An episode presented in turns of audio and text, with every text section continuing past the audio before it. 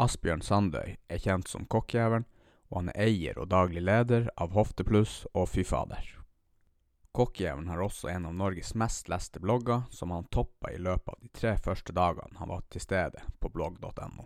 På bloggen deler han nesten alle sine opp- og nedturer fra alle kanter av livet, og han har valgt å gjøre det her på en veldig personlig måte. Han ble kåra til årets stjerneskudd på Vixen, som er en type Oscar for influensere her i Norge. Bli med når vi snakker om hvordan korona påvirker fremtiden til Hoftepluss, livet til kokkejævelen og hans bokprosjekt.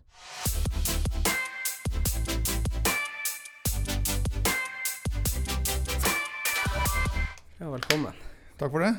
Nå er det jo eh, Du er jo midt i gruppa som blir ramma hardest av denne koronakrisa. Men nå har du vel akkurat åpna igjen, er ikke det? Godt. Ja, her åpna uh, Hoftepluss, men uh, Fy fader er jo fortsatt tvangstengt. Og det er jo Fy fader som står for ja, 60-75% av omsetninga vår, så det er jo egentlig rimelig dramatisk. Ja, det, det kan jeg jo forstå. Ikke minst fordi at vi ikke vet når eh, det åpner opp igjen. Det er liksom ingen indikasjoner eller ingen signaler på når buffeer får lov til å åpne. Så hadde man visst det, så kunne man jo ha planlagt OK, man visste det 1. mai, 1. juni, 1. juli. Så kunne man tatt høyde for det, men nå ja. aner man ingenting. Og det er kanskje Nei. det som er verst med denne situasjonen. her. Usikkerhet, da. Ja. Men kan man ikke lage noe sånn som de har på bunnpris, med sånn varmdisk, at du står bak og liksom gir eh, maten der folk peker? Jo, det var jo det vi hadde på Hoftepluss før. Ja. Men vi har jo endra konseptet fullstendig.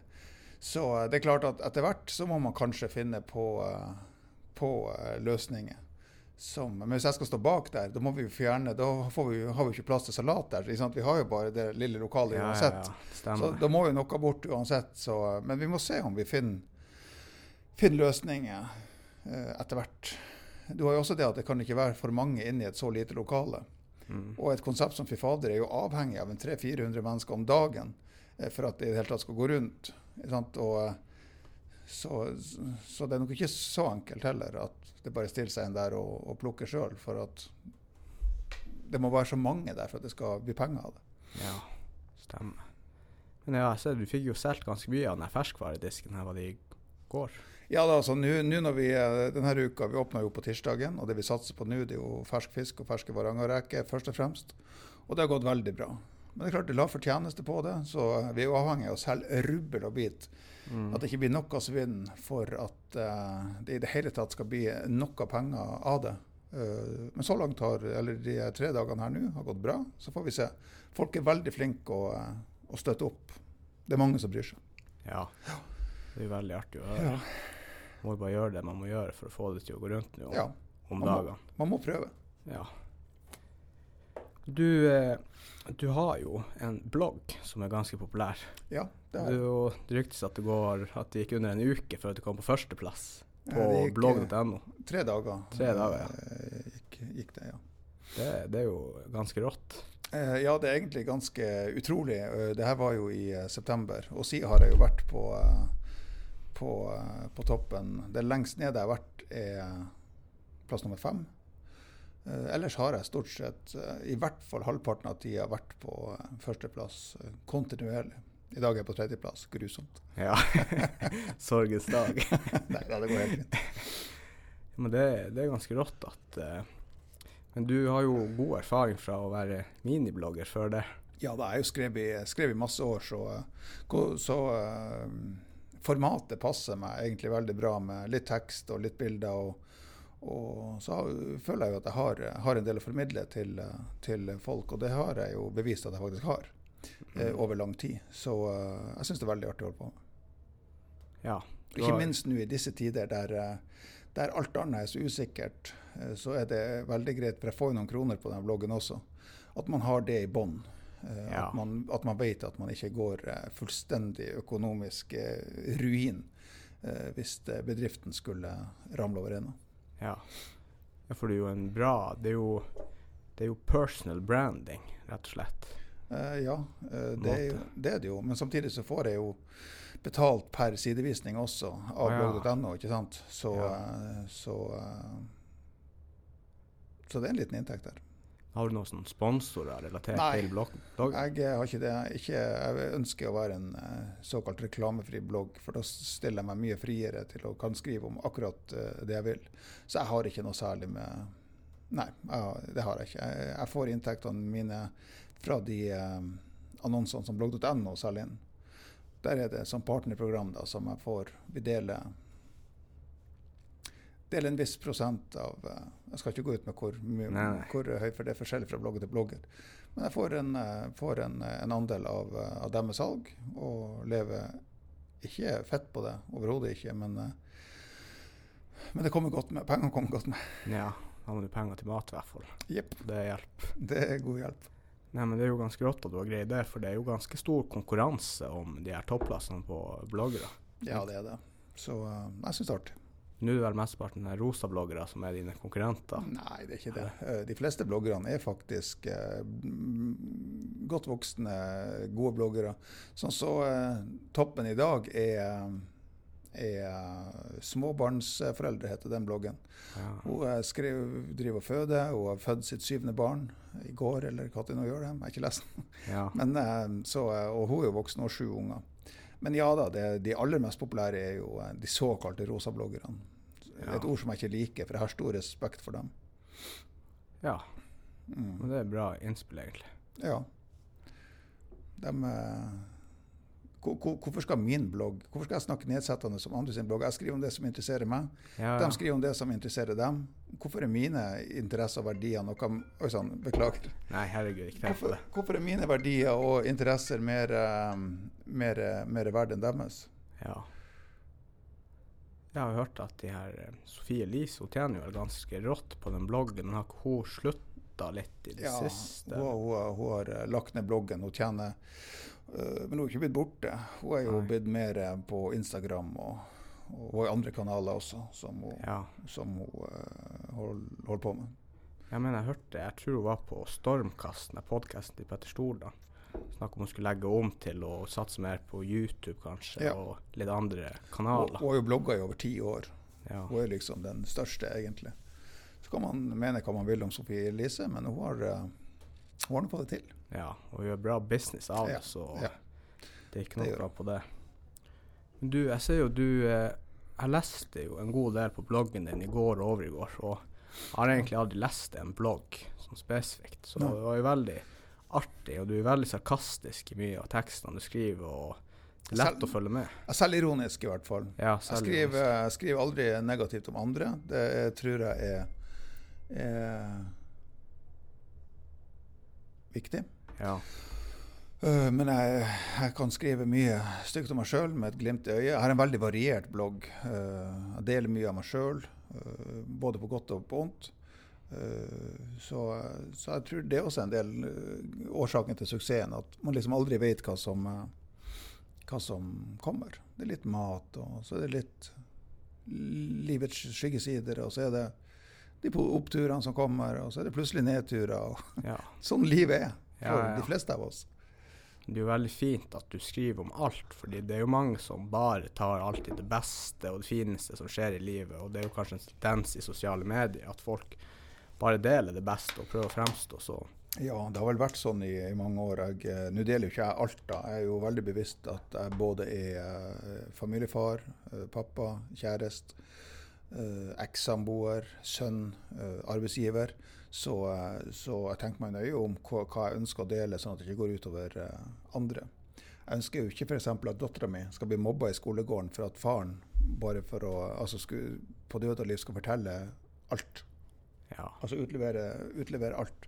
Så noen hemmeligheter må man ha for å ta vare på eh, ja, seg sjøl òg, selvfølgelig. Ha et visst viss, eh, privatliv, men også dem eh, rundt deg. Sånn som jeg har vært åpen om eh, psykiske lidelser og depresjon, f.eks. Uh, for jeg tror veldig på åpenhet. Mm. Eh, men det var jo noe som jeg tenkte meg nøye om, om det ville gå utover dattera mi. da. At eh, faren var en som gikk på antidepressiva. Det er ikke noe kult. Men, eh, men jeg tror jeg klarer å formidle det på en sånn måte at, at det ikke virker som eh, At det ikke virker negativt for henne. Mm. Det er jævlig tøft at du deler alle de her historiene. For det er jo ikke mange som gjør det, som sagt.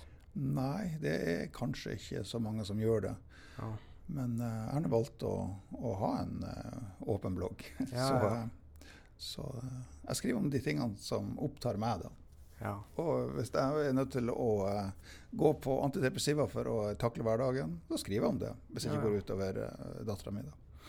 Eller de andre ungene mine. Men de er blitt så voksne at de tåler Ja, meg de er vant til det, du. ja, for nå, du har jo Har du skrevet blogginnlegg nesten hver dag nå siden september? Ja, ja, ja. Jeg skriver, ja. skriver en to-tre innlegg om dagen, stort sett. Det, Ja. det må man gjøre for å holde seg på topp.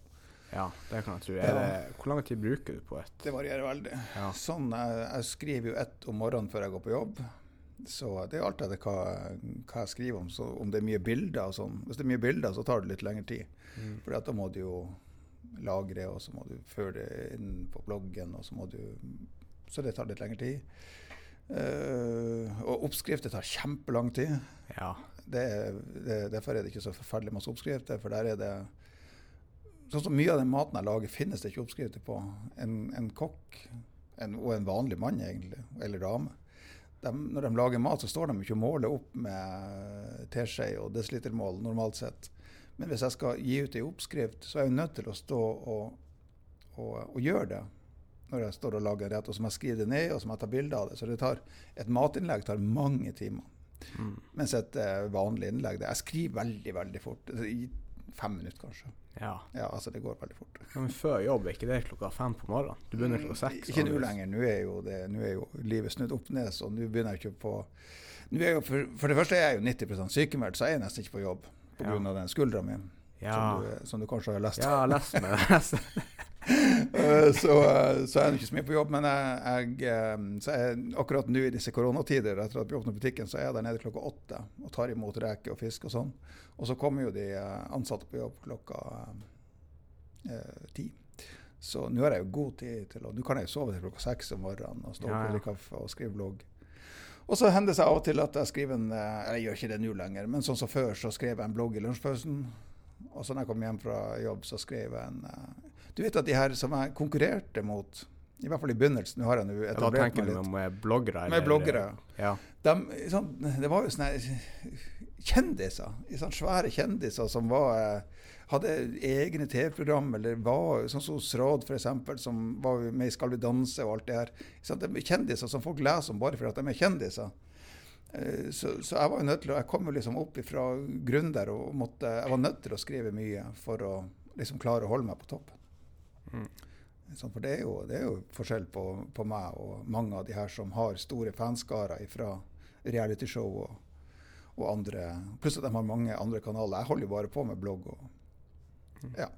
Så jeg har ikke så mange andre kanaler å, å få følgere på, da. ja. Og du satser alt på bloggen?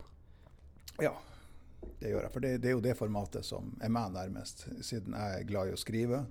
Så, så er det jo liksom det som er mitt. Jeg er jo en skriver, en skribent. Så, så eh, du vil ikke se meg på TikTok f.eks., eller, Nei. eller YouTube. I hvert fall ikke mye. Ja. Eller, ikke, eller på Instagram, for jeg er på Instagram litt, men det, der legger jeg kun ut matbilder. Ja. Der er bloggen. Og før det så var det jo Facebook. Som var ja. Skrev du lenge på Facebook? masse. Har jeg liksom, Facebook har liksom vært min blogg i, masse år. da. Så Mm. det er mange som har oppfordra meg til å, til å opprette blogg uh, i mange år, men jeg har liksom aldri orka. Men eh, i sommer så døde jo sønnen vår, og da ramla livet verden helt fullstendig i grus. Og da tenkte jeg nå lager jeg en blogg, for at nå er alt annet ødelagt uansett. Så da kan jeg like gjerne få noe nytt. Gjøre noe nytt. Jeg var nødt til å gjøre noe nytt. Og det var da jeg oppretta den, eller to Tre måneder etterpå så oppretta jeg den bloggen, for han døde jo i, eh, i juni. Ja. Juli. Ja, man må jo bare kondolere. Det, man kan jo ikke se for seg hvor hardt det der kan være. Og du har jo valgt å være veldig åpen om akkurat det. Eh, Ikke veldig, men jeg, jeg valgte å være veldig åpen eh, på Facebook Ja. eh, når han døde. Ja. Ellers så har jeg ikke skrevet så veldig mye om det. Jeg tok en sånn gjennomgang en gang, og så har jeg vel skrevet om det fire-fem ganger i løpet av de månedene. Mm. Ikke noe mer enn det. For uh, det kan bli for mye sorg også. Ja. Både for meg sjøl, selv, selvfølgelig, men også for, for uh, lesere. Det begrenser hvor mye elendighet, uh, andres elendighet man klarer å ta inn over seg. ja. Mm. Hvor, eh, hvor lenge har du nå skrevet, eller har du hatt interesse for det hele livet? Ja, det har jeg hele livet. Men eh, det starta vel sånn Den offentlige skrivinga starta vel når jeg kom oppover til eh, Alta etter læretida i 2002. Da tok jeg kontakt med han, Rolf Edmund, redaktøren på Altaposten, og spurte om han hadde behov for en matspalte. For jeg hadde, jeg hadde så enormt mye kreativitet inni meg den tida der jeg var ung, og, og jeg bobla egentlig over. Så uh, da starta jeg med et årelangt samarbeid med Altaposten og hadde sånn matspalte uh, annenhver lørdag Ja. i, i mange år uh, i Altaposten. Men så eh, etter hvert så når det ble en jobb av det, at jeg liksom hadde et press nå må jeg levere, så, så slutta jeg med det. da. For da var det ikke artig lenger. Nei. Men, eh, men når jeg starta opp eh, Hoftepluss i eh, 2013, så tenkte jeg at eh, Da tenkte jeg litt mer kynisk på det. da. Og da tok jeg kontakt med i Finnmark. Og eh, med samme opplegg å skrive for i Finnmark annenhver lørdag. da. For at eh, en større del av Finnmarks befolkning skulle bli kjent med meg. Pluss at jeg fortsatt hadde det formidlingsbehovet, selvfølgelig. Og så kanskje kom innom butikken uh, når jeg var i Alta. Ja. Da, det- men hva du skrev, var det bare liksom Var det en rett, eller var det Ja, det var, stort sett så var det materielt, men det var, det var mye sånn som eh, det var det, hva som helst. Det kunne være hva som helst. Det kunne være uh, lange historier, korte historier. Uh, I Altaposten så var det mye mat, men så Ja. Nei, det var det var egentlig mye av det samme som jeg skriver nå på bloggen, bare kanskje litt lenger. eh, I og med at det liksom skulle være i avisen og en hel uh, artikkel. da. Så det handla om livet mellom måltidene da også, sånn som bloggen gjør. Mm. Ja. Og du har jo vel også jobba i Lest du hadde jobba i samvirkelag i 28 år? Nei! Eller var fra du var fem, 14 av og på? jeg hadde ikke jobba der i 28 år, men jeg begynte å jobbe der da jeg var 14, når det var, het Elvebakken S-lag. Ja, ja. Og så jobba jeg der til jeg begynte på kokkeskolen. Og så uh, jobba jeg ikke mer der da, før jeg uh, slutta på Alfa Omega etter uh, ni år. Eh, da ble jeg jo ferskvaresjef eh, nede på Mega Elvebakken. da. Var der i to år før jeg åpna opp eh, I 2011 begynte jeg der, ja. Før jeg åpna opp Hoftepluss. da. Mm. Det var liksom tilbake til eh, gamle trakter. For du var vel var du kjøkkensjef der på Alfa Omega? Alfa Omega var jeg kjøkkensjef Ja. fra 2002 til eh, 2011. Ni Ja. år var jeg der. Det er jo, Var det der du fant opp den her Lavolage? Uh, Lars, nei. Uh, Ole Mats Hetta. Det er Ole Matsetta den heter, ja. Lavolage den kom på Hoftepluss. Ole Mats Hetta, ja, den, eh, den dukka opp i 2004. ja. Først så starta det som en eh, du vet, Før i tida så var det ikke kult med reinkjøtt eller lokalmat. Ja. Da skulle alt være fra Middelhavet, og det skulle være eh, Ja, lokalmat var ikke tøft. Eh, Så uh, Ole Mats Hætta starta egentlig som en, med en rett som heter den spanske varianten. Det var egentlig lagd ganske likt, bare at i stedet for røkt reinkjøtt, så var det sånn eh, sterk spansk chorizo-pølse. Ja. Som var stekt sammen med grønnsaker. Men så uh, har jeg alltid hatt en uh, forkjærlighet for uh, det som er rundt oss i naturen og de råvarene som vi har her oppe. Og bytta da ut den spanske pølsa med det beste som vi har her oppe, reinkjøtt. ja. Og det ble jo en formidabel suksess. Ja, ja. Du har jo valgt å gi ut de fleste av rettene dine gratis på bloggen. Eh, ikke de fleste rettene mine, men mange av mine signaturretter har jeg valgt å, og Skal man være åpen, så får man være åpen om alt. Ja. Så Nei, men Det er jævlig rått. For Ja. det, sånn driver jo jeg også det med det jeg gjør. Jeg prøver å gi så mye verdi til kundene mine som mulig. og Prøver Ja. å gi ut gratis ting så at man skal få litt interesse. Eller jeg tror den som gir ut mest verdi over tid, kommer til å vinne i det lange løp. Ja, det, det kan være. eh, man, må, man må jo gi litt av seg sjøl for å Ja. Nei, jeg har nå valgt å gjort det sånn. Jeg har aldri, aldri hatt noen hemmeligheter med, med oppskrift og sånn. Det blir aldri uansett det samme når andre følger oppskrift. Så, så Pluss at det er det jeg driver med. Hvis, ikke, hvis, jeg, hvis ikke jeg som kokk og blogger kan, eh, gi ut oppskrift en gang, hva da skal jeg bjuda på? Ja, ja. Så eh, nei, det gjør jeg gjerne. Men så står det jo ofte under innleggene at hvis du syns oppskrifta var god, så vips gjerne penger. Ja. og det er det mange som gjør. Så, ja, ja, det er litt sideinntekt. så eh, det er jo eh, valgfritt, da, selvfølgelig. Ja. Det var noe jeg begynte med etter den koronaen kom. Ja, ja, ja. Ja, så uh, tikker nå inn litt. Hvordan er det? Har du noen plan planer om å lage en ny rett, eller bruker du å sette deg ned ok, nå skal jeg finne opp en ny rett å lage, eller er det bare noe som kommer til deg mens du står på kjøkkenet? Nei, um, før i tida Nå er jo jeg passert middagshøyden. Før i tida da jeg var kjøkkensjef på Alfa Mega, vi skifta, vi skifta meny fire ganger i året. Da satte jeg meg ned. Da brukte jeg ei uke på, eh, på en ny meny. da. Og da satte jeg meg ned, hadde et lite kontor, røkte masse, drakk fire øl. Oh, ja. Og så uh, røkte enormt mye. Og så, um, og så satte jeg meg ned, og så bare uh, I den tida der så kom bare rettene til meg. Og så har jeg noe som heter kulinarisk gehør, som gjør at uh, jeg, jeg, smaker i hodet, ikke sant. Uh, som gjør at jeg ikke nødvendigvis trenger å lage maten. Uh, det, og spesielt på den tida der der jeg holdt på så mye med, med, med å kreere nye retter så, så, var jeg godt trent. Du kan være god å spille piano, men hvis du ikke har spilt piano på ti år, så blir du litt rusten.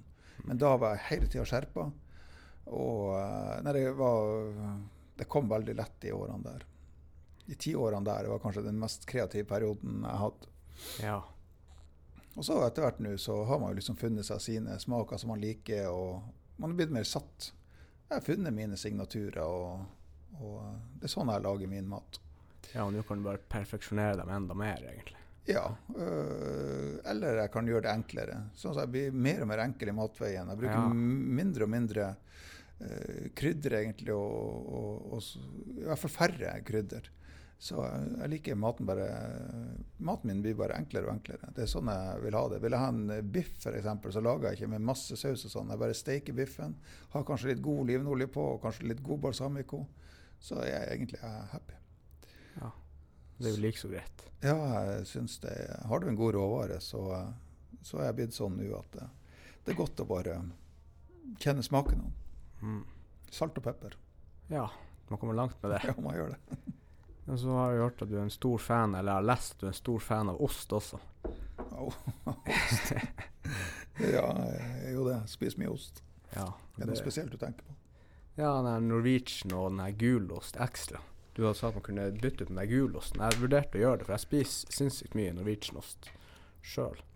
Norvegia tenker du på? Ja, Norvegia. Ja, ja, selvfølgelig. Norwegian. Eh, ja, jeg gjorde jo det. Da trampa jeg mange på tærne. Eh, veldig mange. Siden jeg liksom har vært en sånn forkjemper for lokalmat og alt mulig sånn. For jeg spiser i hvert fall to kilo ost i uka. Det er det eneste pålegget jeg spiser. Og det er stort sett Norvegia, for Norvegia går du aldri lei. ikke sant? Nei. Eh, Det er sånn eh, Det er lettmat. Eh, Og så fant jeg ut at den her Ekstra sin ost, som er produsert av Sy- Synnøve Finden, som også er et norsk selskap og alt, den inneholdt eh, fire gram fett, fire-fem gram fett, jeg husker ikke helt. Men det tilsvarte i hvert fall to Hvis jeg bytta ut all den osten jeg spiste, spiste i løpet av et år, så tilsvarte det at jeg mista to kilo i løpet av året. Mm. Og uten at smaken var så veldig mye dårligere. Klart Norvegia er litt feitere, og den er litt grann bedre, men den andre går helt fint. De her, eh, de her lettostene jeg klarer ikke å spise. For de har bare 16% fett, Ja. og, og det er sånn skosåle og tørt og ekkelt. Og jeg orker ikke å slanke meg sånn. Hvis jeg skal gå ned i vekt, og sånn, så må jeg gjøre det sakte med f.eks. bytte til en ost som har litt mindre fett, som gjør at jeg går sakte ned. Hvis jeg skal slanke meg, så går jeg bare opp igjen. Ja. Det orker jeg ikke lenger. Nei, Så, jeg skal teste den der osten. Den er helt, den er helt kurant. Den, det tar ca. ei uke å venne seg til, eh, til, til den, for den er litt mindre feit. Men men nå syns jeg den er kjempegod. Mm. Så ta gjør det hvis du spiser mye ost. Ja, jeg skal gjøre det. Nå har ikke du akkurat behov for det ennå, men du, du, er- det kommer etter hvert. Ja. ja, ja. Ta litt nær, ja. Eh, du var jo på eh, Eller var du på Vixen? Var du der personlig? ja da, vi var på Vixen. Både jeg og kjæresten var på, uh, på Vixen. Hvor der, der vant du jo hva årets eh, stjerneskudd. Ja, det ble årets stjerneskudd, og det var jo uh, veldig artig. Det var en absurd verden å, å være i. Ja. Men uh, det var artig å oppleve Men hva er egentlig viksen, for ikke dem som vet? Nei, Vixen er, er, kanskje den største utdelinga vi har for såkalte influensere. Ikke bare bloggere, men også youtubere og uh, for så vidt journalister også. De har jo Årets gullpenn, årets uh, ditt, årets datt, årets mening, årets sterke mening. og ja, så det er liksom den, den største happeningen i, i den influenserverdenen som jeg er en del av nå. da. ja, ja. Ja, så da var du oppe på scenen der, og var rød løper og hele pakka? Ja da, det var fullt opplegg. Eh, det var og så hadde jeg jo et kamerateam fra NRK med meg som eh, kom til hotellet. og Det er jeg veldig glad for, det, for det, var, det er litt skummelt. Du, du, føler deg ikke så veldig høy i hatten når du er eh, for første gang på et sånt der arrangement, og du kjenner ingen. Og, ja. og, og, aner ikke hvem noen er. Så det var veldig godt egentlig å ha Eh, to stykker fra NRK med oss. De kom på hotellet, og så gikk de med oss eh, inn på filma oss når vi for på Viksten. Og, nei, når vi gikk inn på den røde løperen. Og, så det var litt greit å Så var det en sånn reportasje, egentlig? Eh, ja, ja, det var ikke noe sånn stor sak. Det var bare sånn, sånn nettsak de lagde. Men allikevel så Du føler deg litt viktigere når det er noen som filmer deg, i hvert fall. Ja, det kan jeg tro. det er sånn, Oi, der kommer han. Og vi filmer på NRK, for det står jo NRK på de mikrofonene. Så, så, det var litt kult. Mm. Det var en artig opplevelse. Ja, det kan jeg tro. Viksen. Jeg var jo nominert til tre kategorier. Årets stjerneskudd, uh, årets uh, influenserlivsstil og uh, årets uh, gullpenn. Og så vant jeg ikke årets influenselivsstil. Ble skuffa.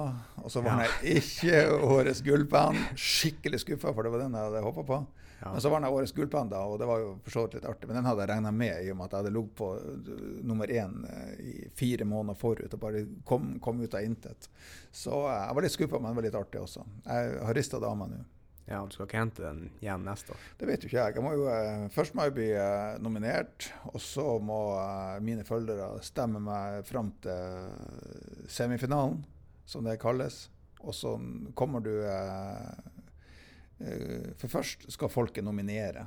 Altså Følgerne dine eller andre nominere deg, og så skal du stemmes fram til semifinale. Og så skal juryen bestemme hvem som går videre til finalen. da. For jeg, jeg var jo nominert i fem kategorier eh, i semifinalen da. Og så ble jeg luka ut eh, til å ha tre kategorier eh, igjen da til eh, Nei, jeg var faen meg nominert til eh, årets Folkets favoritt også, ja. Det tok hun Funky Gin. Ja, det, ja. ja.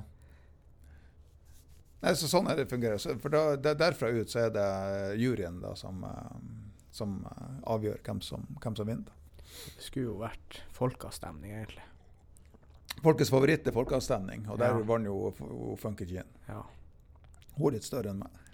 Ja, hun har laga mye innhold. Ja da, så, uh, Serie, så hun fortjente, hun fortjente den. Men det er klart man ønsker, man, man stiller opp eh, til et løp, en idrettskonkurranse, så du har jo lyst til å vinne, selvfølgelig. Ja, Hvis du ikke vinner, så blir du jo skuffa, selvfølgelig. Ja. Det er jo en type Oscar det der egentlig for influensere i Norge, ja, da. I Norge så, så er det det. Er den største prisen som finnes i denne bransjen. Mm. Eh, Oscar eller Amanda eller Spellemannspris, og det er nå det største ja. vi har. Du var jo på eh, TV 2 nylig. Hvordan hvordan var den opplevelsen? TV 2, Tenker du på God morgen Norge? Ja. ja. Der har jeg vært tre ganger. Jeg er jo en venn av God morgen Norge nå. Så det var jo veldig artig. Uh, da lagde jeg jo mat med henne. Uh, første gangen så var jeg jo gjest. Uh, og det var, det var jeg jo veldig nervøs. Det kan jeg tro. og så andre gangen så var jeg vikar for Wenche, Wenches kjøkken. det var jo veldig artig. Da var jeg jo TV-kokken der. Ja. Og så tredje gangen jeg var der, så lagde liksom jeg og Wenche mat i lag. da, Så det var også uh, veldig artig. Andre gangen så hadde jeg jo med meg kjære, så ble hun også intervjua. Så uh, det var artig. Jeg kan tenke meg at man har litt nerver for om man skal gå og lage mat foran hele Norge. Nei, akkurat det har jeg ikke nerver for. For at, uh, akkurat der er jeg veldig trygg. Ja, ja. Så nei, akkurat, Det er mye verre å sitte i en sånn sofa og en sånn intervjusituasjon, og ting skal gå så fort. Og, det er bare noen få minutter man har. Ja.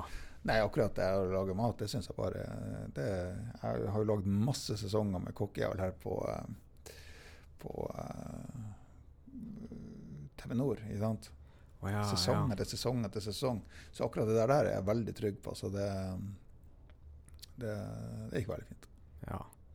Og det er det jeg liker, i hvert fall med sånne podkast. Da har man litt mer pusterom til å fortelle. For eksempel på de TV og sånn, så er det jo sånn her fem minutter slått her og fem minutter der. Du får liksom ikke tid til å bli kjent med personen. Det er heller bare en salgspitch som Ja. er i fem minutter, rett og slett, som du må få ut det viktigste. Ja, det går så fort. Ja. Og så er du forberedt, og det, det er masse forberedelse i, i forkant. De ringer jo i dagevis, og man går gjennom spørsmålene, og man prater og prater og prater. Og så kommer man på TV, og programlederen har jo masse spørsmål og alt mulig. Og så rekker man jo bare halvparten, da. Det, det går så fort. Mm. Så, eh, Sammen på Dagsrevyen. Jeg var jo på Dagsrevyen på eh, Jeg husker ikke når jeg var der.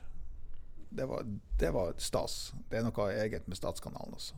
ja. Det så jeg på bloggen også. Når jeg kom ut derifra, så lesertallene mine bare, ja bare føk opp um, første gangen jeg var på Dagsrevyen. Det var, Mm. det var helt vilt. Det var bare tusenvis i minutter som bare eh, liksom gikk inn og søkte på kokkejævel for å finne ut hvem var, den der fyren her. Og Sammen jeg var sist gang. eh, Dagsrevyen var jo her oppe eh, i, i et helt døgn og filma meg fra jeg sto opp til jeg gikk og la meg. Det var i to døgn da. Jeg var jo lørdagsgjest der for noen uker siden. Ja. Og, og da når det også ble vist, så gikk, ble, gikk også lesertallene kjempe opp. Men ikke sånn som det første gangen. Det var, det var helt sjukt. å- ja, det, det var helt sykt å se på. Ja. NRK er Lesertallene gikk også veldig opp etter at jeg hadde vært på God morgen Norge, men det kan, kunne ikke sammenlignes med Dagsrevyen. Hm. Nei, Dagsrevyen, det var bare ja, det er jo rått. med å være surrealistisk, Ja. hele opplegget. Ja, det var, det var helt sprøtt. Akkurat det der vi, vi satte oss inn i, i drosja. Men men jeg var ikke så lenge i paradis, for akkurat jeg sjekka lesertallene, og så ringte telefonen. Og det her var jo den perioden at alt brøt sammen på, eh, på Hoftepluss. Alt, alt ble ødelagt. Så det ringte han eh, en, en som jobba der og sa at nå var frysa eh, brøtt sammen igjen. da. Så måtte jeg jo da begynne å styre med å få tak i håndverkere. Det, var det her var vel en fredagskveld, tror jeg. Så det var ikke så lett, men det ordna seg nå. Ja, for det var, var ikke det ganske mange? Eller var det én fryser som hadde gått? Flere? Alt har gått til Ja. i år, eller i fjor, da. Eller i år. Ja, i fjor. Ja. Så gikk alt gikk. Alle, alle frysen. Nei, vi har brukt så masse penger på eh, reparasjoner. ja. Åh. Nei, men det er bra at det enda går rundt. Absolutt. Ja da, vi, enda så holder vi nå ut, men vi er helt fullstendig avhengig av at, uh, at folk eh, kommer og handler. Hvis ikke så finnes vi ikke etter uh, krisa. Ja. Så enkelt er det. Det må jo være en oppfordring til folk å Ja, handle lokalt. Ja. Altså, hvis de, eh, hvis de vil eh, ha oss eller andre butikker, så, så er vi helt avhengig av at eh, de ikke bare kommer i helgen, men at man faktisk er bevisst at eh, Hvis ikke så ender vi bare opp med bare kjedebutikker. Mm. Så enkelt er det. Så eh, det er, jo folk, det er folk som bestemmer hva de vil ha. Man skal ikke bli sur på folk hvis de slutter å handle. Da har du et produkt som folk ikke trenger. Ja, Altså, det det er. Ja, så enkelt er det. Altså Hvis du ikke er relevant for folk, og hvis du ikke har produkter som, som folk er interessert i å, å kjøpe, eller komme til deg for å kjøpe, da, da har du egentlig ikke et eksistensgrunnlag. Da, da, tre, da trengs du ikke. Mm. Så, eh, så man skal ikke bli sur på folk. Men klart folk, folk må bli, være bevisst eh, at det betyr noe om de handler der eller handler i kjedebutikken. Handler du i kjedebutikken, eller hvis mange nok handler i kjedebutikken, da forsvinner den lokale butikken. Så enkelt er det. Mm. Og så må man jo ta et valg. Ønsker jeg den lokale butikken, eller gjør jeg ikke det? Og så Nei, jeg trenger ikke den lokale butikken. Den er ikke god nok. Nei vel, da handler du hos kjedebutikken. Og så blir lokalbutikken borte. Og sånn er det bare. Nå før denne koronaen inntraff, hadde dere noen eh, større planer for Hoftepluss, eller vil dere ha Fy fader, Hoftepluss skal liksom holde samme konseptet sånn som de gjør nå? Ja, dere har altså- ikke liksom ja, eh, vekst og sånt, hva dere tenker om det? Nå, har, vi jo egentlig vokst kontinuerlig siden, siden 2013. Målet for 2020 var at uh, vi gikk jo med et dundrende underskudd i uh, 2018, uh, som, eh, som, vi, eh, som vi skulle snu da i 2019. Eh, vi hadde jo en kjempesuksess, vi endra jo konseptet på Hoftepluss med å gå over til ferskfisk og sånn. Det, det hadde vi jo ikke før. Og det var en kjempesuksess. Vi økte omsetninga med med flere millioner. Omsetning er ikke det samme som fortjeneste. Ja. For det er liten fortjeneste på fisk og sånn. Men uh, vi, vi, gikk, uh, vi gikk uh, Det så lyst ut helt til ting begynte å ryke i bedriften. For Det er alltid noe som ryker i en sånn bedrift. Men det var så voldsomt. Og så kom sommeren, og så døde sønnen min, og da brøt alt sammen. Så 2019 var et, var et, grusomt år, så jeg er veldig glad for at, at jeg er veldig glad for at 2020 kom målet med 2020 var at vi skulle stabilisere den gode veksten vi har hatt på Hoftepluss. Uh, gjøre ingen nye investeringer, men rett og slett bare bygge opp kapital. Og Det så ut som vi skulle lykkes med det, og så kom viruset. ja. Det er alltid snakka. det er alltid et eller annet. Ja, Det er surt. Du er jo midt i målgruppa for det der. Når staten stenger ned. Men da du jo, har du vel godt grunnlag for å søke på de her krisepakkene. Har dere tenkt noe? Ja, det, det, får jo det får for så vidt alle som har minimum 40% nedgang i, i omsetninga. Så det er klart at de krisepakkene uh, Nå er jo dessverre Hoftepluss og Fy fader um, samme firma. Uh, de som blir tvangsstengt av staten, får dekt 90% av de faste, kost, faste kostnadene. Ja. Med faste kostnader menes husleie, strøm og sånne type ting. Eh, så, eh, og de som bare ikke er tvangsstengt, får dekt 80% av eh, de faste kostnadene. Og Hoftepluss AS som sådan er jo ikke tvangsstengt. Det er bare én avdeling. Så vi får jo dekt 80% av dem. da. Og i mars utgjorde, utgjorde det en 30 000-40 000. Så det, det, er ikke så voldsomt. Du, du, kan ikke leve lenge på å få dekt en viss andel av faste kostnader. Du må ha inntekter. Og de, de dekker jo ikke lønn og sånne type ting. Så, eller, det, eller, varekost, som er den største. Ja, ja. Når, når uh, koronakrisa kom, når vi måtte stenge ned, så hadde jeg jo eh, leverandørhjelp på over en million, f.eks. Ja. Og, og, da hjelper det ikke at du får 40 000 fra staten. For den millionen der, det er ikke en fast kostnad, det er en variabel kostnad. Men den må jo betales. Ja. Så, eh, og nå har vi betalt den, så nå har jeg jo nesten ikke penger igjen. Vi er fra hånd til munn. Eh, så nå er det Nå tar vi ei uke i slengen og ser hvordan, eh, hvordan det går. Og så er det sommeren, så skal feriepenger ut. ikke sant? Så det er jo det, Og vi har lån på over en million som Ja, vi har fått stoppa avdragene nå, men det skal jo betales tilbake ja, ja. på et eller annet tidspunkt. Så man må jo ta alle de her alle de her tingene her må man jo sette seg ned og vurdere om, om det rett og slett går. Eh, når vi åpna opp eh, Hoftepluss i 2013, så hadde vi ikke lån, vi hadde ingenting. Eh, så, eh, så, man kan jo tenke seg det, og det gikk veldig bra. Så man kan jo tenke seg til at man kan gå tilbake dit og liksom mindre forhold, tjene penger. Men forskjellen er bare at vi har så masse lån nå, og vi har de feriepengene. og Vi starter ikke med blanke ark, vi starter bakpå. Mm. Eh, man kan jo også ta opp sånne kriselån fra staten, men også det skal jo betales tilbake. Så du, må være, du må være rimelig sikker på at, uh, at du kommer til å klare det. Hvis ikke så sitter du bare igjen der med masse lån. Og det, det tror jeg ikke jeg ønsker. For nå har du allerede lån? Jeg har, uh, jeg har, lån i banken som vi Vi brukte jo masse penger. Vi brukte jo over en million vet du, fra den spisesalen der for å få pussa opp den. 400 000 bare i møbler og eh, oppgradering, sånn at vi skulle være klar for vekst. Det brukte vi i 2018. da. Det var en av årsakene til at vi gikk i sånn med underskudd. Og, og, og, det måtte jeg jo ta lån på, da.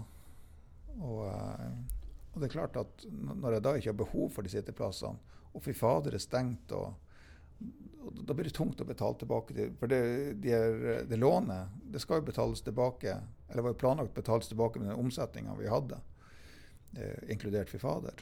Og nå skal det betales tilbake med den lille omsetninga vi klarer å få på Hoftepluss. Mm. Så vil det gå? I don't know, men vi prøver. Ja, det er det viktigste. Man må jo bare kjempe så lenge ja. det går.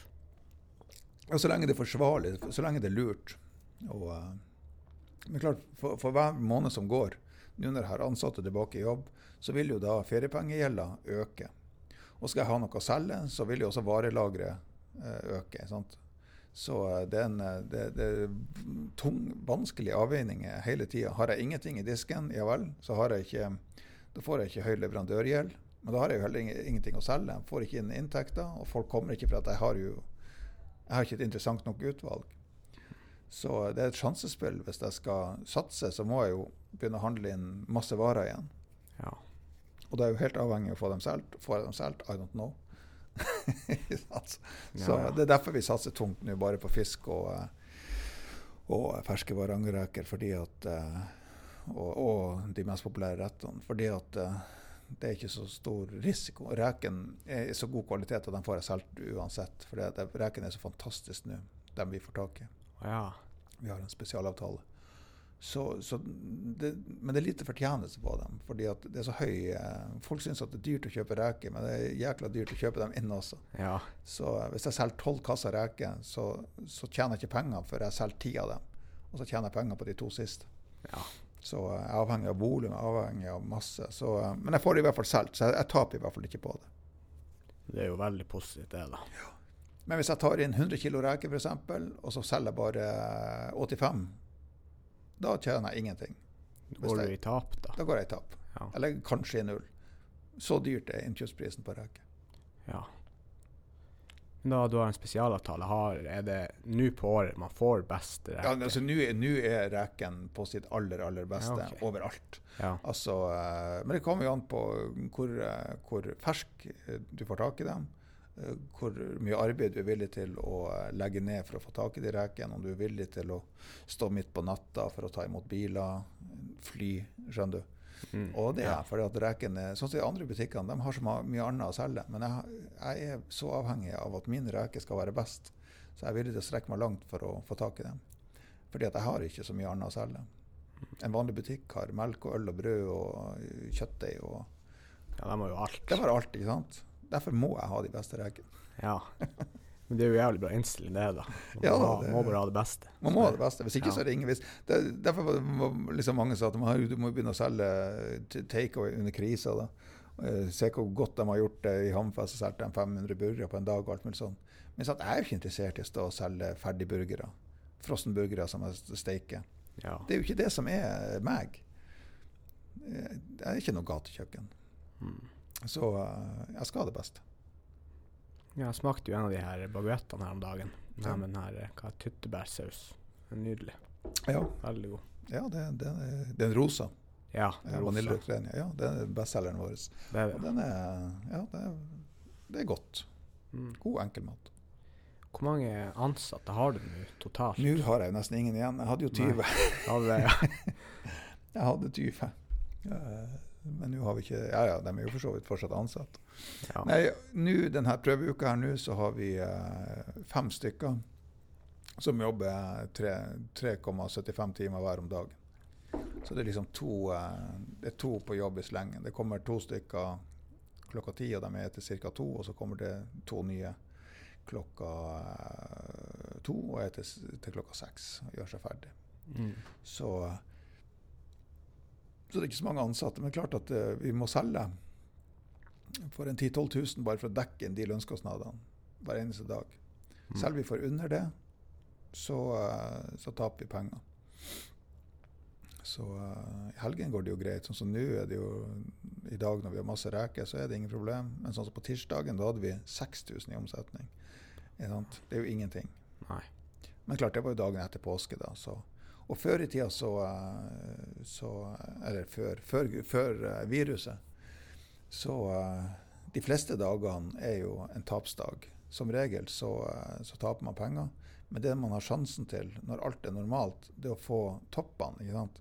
At du tjener pengene den dagen det går bra, som veier opp for fredagen, veier opp for mandagen, tirsdagen, onsdagen. Ja. Men sånn som nå når det ikke er noe topp, vi har ikke sitteplasser, vi har ikke fy fader med masse folk, og, så vi får ikke toppen. Vi er liksom bare vi er bare i bunn. Så det er vanskelig å bygge opp eh, kapital. Så, eh, så vi får se. Så, så, er det vanlig da i sånn kjøpesenter at det er kanskje fredagen og lørdagen som er høyest salgsaktivitet. Det er jo eh, det. Er jo, det, er jo det.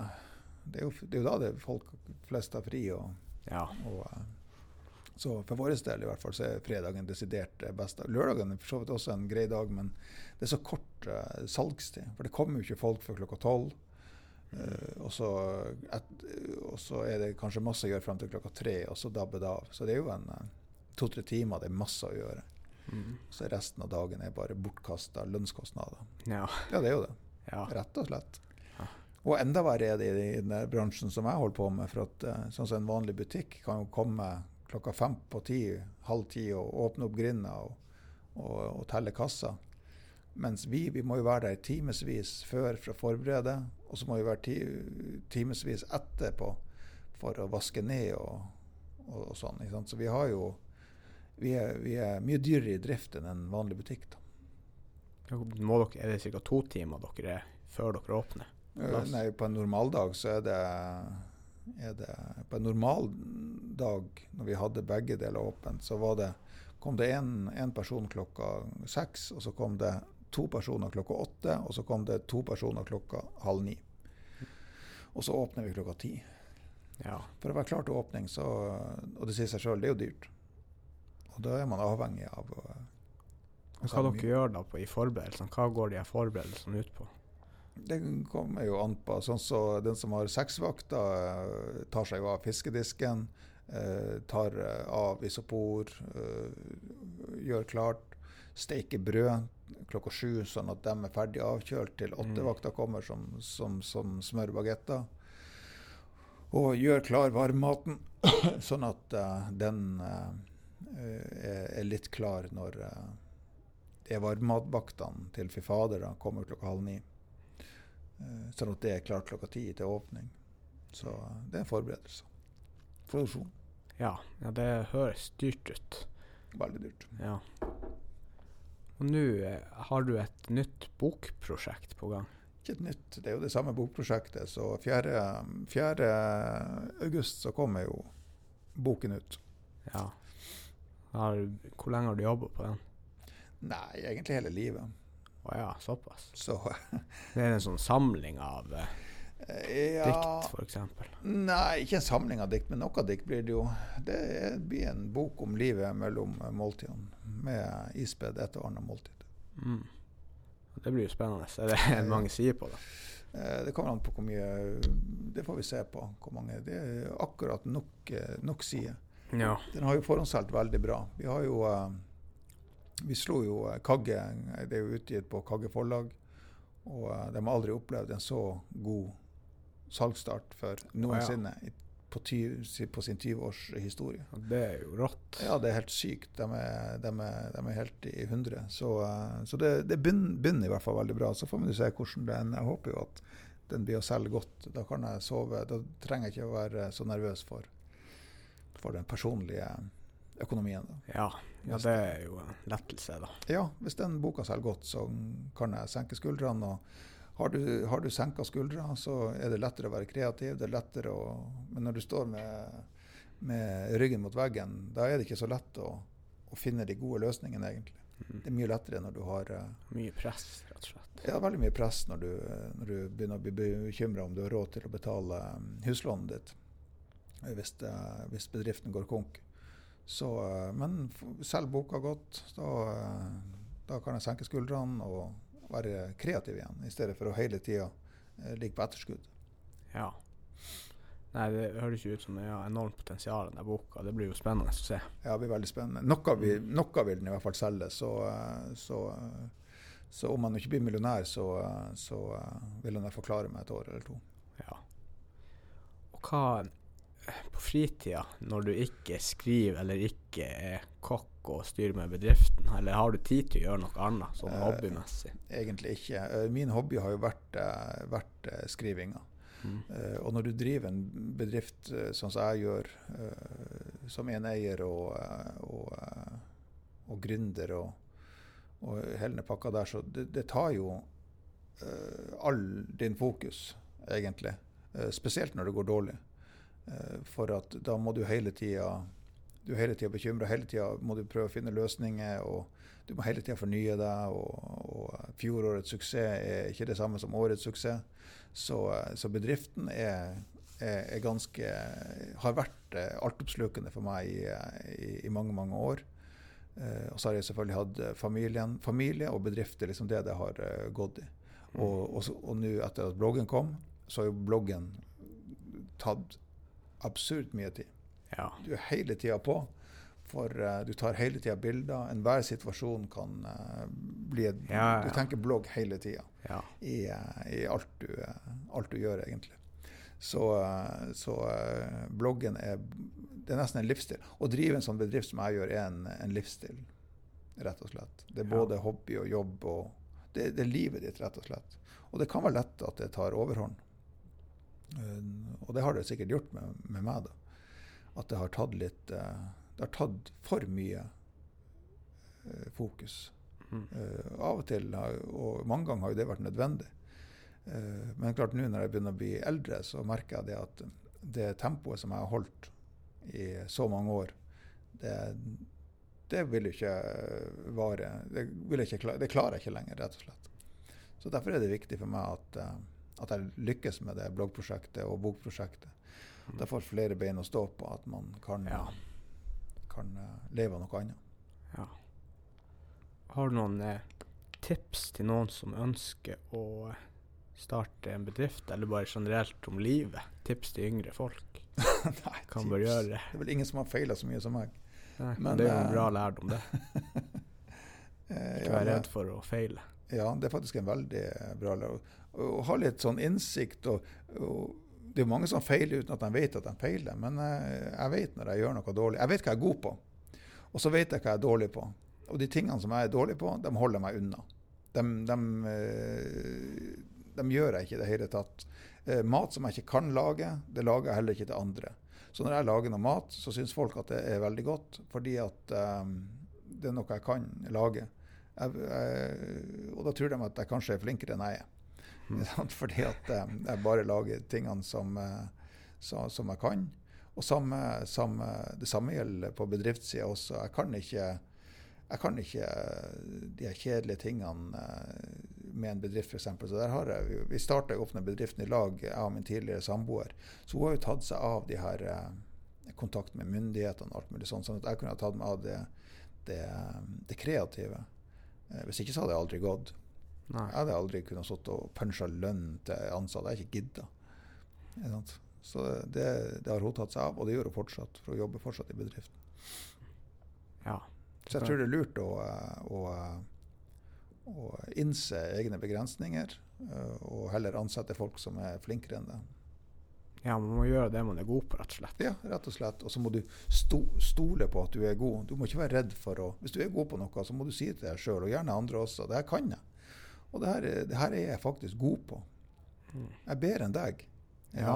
Det, det, men, men da må du samtidig ikke være redd for å si at du er bedre enn meg på noe annet. Ja. Det er like viktig. Ja, ja. Du, for ingen er verdensmester i alt. Men hvis du dyrker det du, det du kan, så tror jeg du kan komme langt. ja. Er det noe annet du har lyst til å promotere? Nei Nå har vi jo promotert boka, vi har promotert at folk må kjøpe fisk og reker Ja, smør hvis jeg skal overleve. Så, så får du inn litt snikreklame overalt. så det Ja.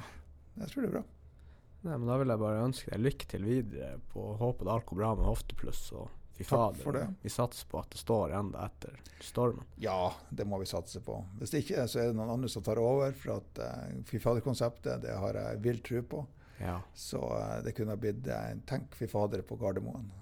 Ja, ja. ja. Men Men det er det som er drømmen. Eh, ikke eh, hvis, noen, ja, hvis det hadde kommet noen med penger og litt yngre enn meg, pågangsmot, som, eh, som kunne ha tatt fy fader eh, eh, sørover til de store sentrene, der det er masse folk, og, og ikke minst Gardermoen, der det hele Mm. tida kommer nye kunder, jeg tror det hadde blitt en gullgruve.